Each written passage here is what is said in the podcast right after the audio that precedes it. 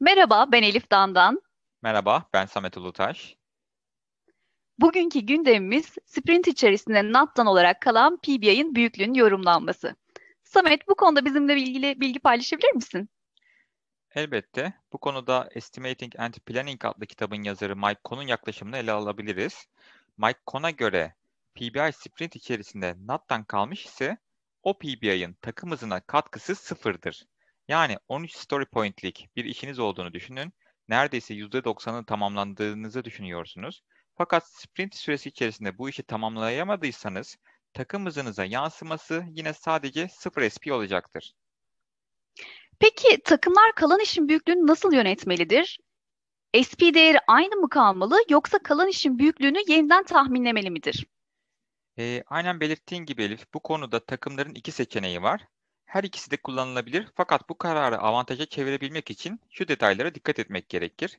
İlk seçenek story point'i aynen bırakmak ve bir başka sprintte işi aynı büyüklükte tekrar almak.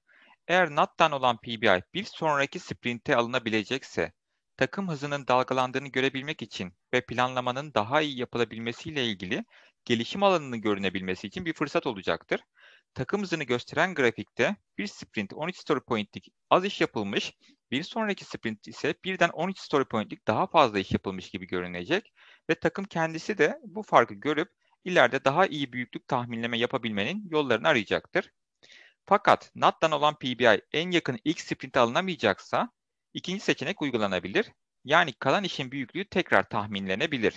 Bunun yapılmasındaki sebep ise geçen süre içinde takımın işin kalan büyüklüğünü unutmaması ve daha kullanışlı veri elde edebilmesidir. Tekrar tahminleme yapıla, yapılması seçeneğini düşündüğümüzde geçmiş sprintte yine 13 story point'li kayıp olacaktır.